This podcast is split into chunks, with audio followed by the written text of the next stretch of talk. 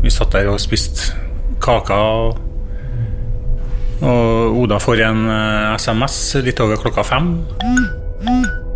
Søndag 1.11.2009 får 15 år gamle Oda Mo i Skaun i Trøndelag en melding fra nabogutten på 18.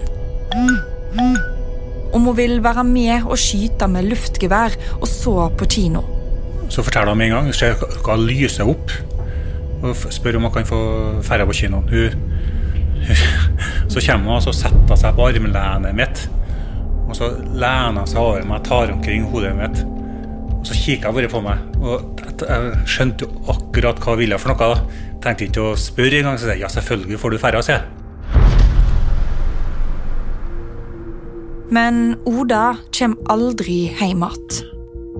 Det de la fort merke til, det var jo at han hadde blod, blod på hendene, da, blant annet. Denne saken får jo stor medieoppmerksomhet. Både fordi at eh, de involverte er så unge, men det er også det her eh, Den er jo alles mareritt. Hva er det som får kameraten, nabogutten, en som aldri har vært i politiet sitt søkelys før, til å ta livet av Oda? Motivet fremstår som så ubegripelig. Men det er jo et motiv, selv om det ikke er et motiv som vi eh, vanligvis tenker på. Og jeg sendte henne rett i døden. Gjorde jeg.